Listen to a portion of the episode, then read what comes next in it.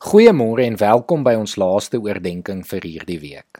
Ek wil die week se oordeenkings oor hoe ons die Bybel lees afsluit deur 'n laaste baie belangrike element rondom Bybellees uit te lig. Lees die Bybel saam met ander mense.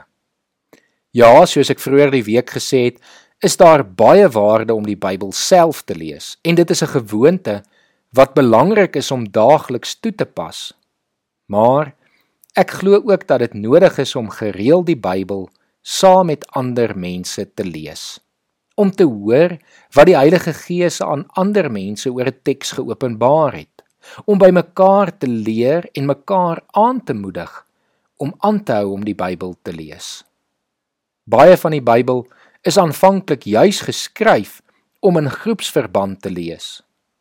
As jy nie op hierdie stadium by 'n Bybelstudie of omgee groep inskakel nie, is dit baie belangrik om dit wel te begin oorweeg en te begin doen. Jy kan dan dink, maar ek gaan mos daarom kerk toe, so ek lees daar saam met ander gelowiges die Bybel. Ja, dit is goed.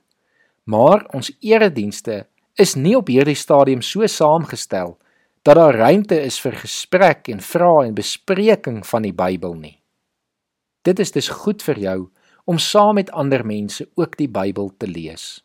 En baie keer is dit nie eers net goed vir jou nie, maar is dit juis 'n geleentheid vir evangelisasie. Iemand het eendag gesê, almal kan evangelisasie doen, want jy kan maar net onder 'n boom gaan staan en die Bybel begin lees en iemand sal wel begin luister.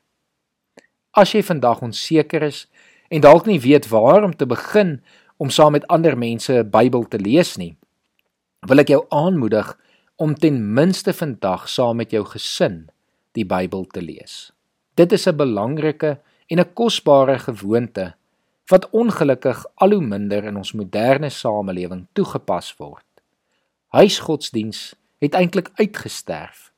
Maar miskien kan ons net weer begin om lekker saam die Bybel te lees.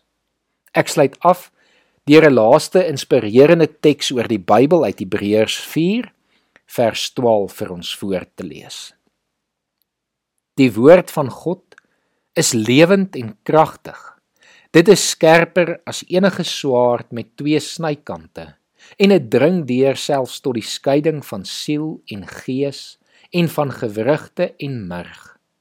Dit beoordeel die bedoelings en die gedagtes van die hart. Daar is ook niks in die skepping wat vir God onsigbaar is nie. Alles lê oop en bloot voor sy oë en aan hom moet ons rekenskap gee. Kom ons bid saam. Here, dankie dat ons hierdie week lekker kon nadink oor wat dit beteken om die Bybel te lees en hoe ons die Bybel moet lees. Here, ons besef daar is eintlik nog so baie wat ons hier rondom kan leer. Maar Here, dankie vir die paar dinge wat ons hierdie week weer opnuut kon besef en by kon leer. Here mag U dit gebruik om elkeen se stilte tyd te verryk.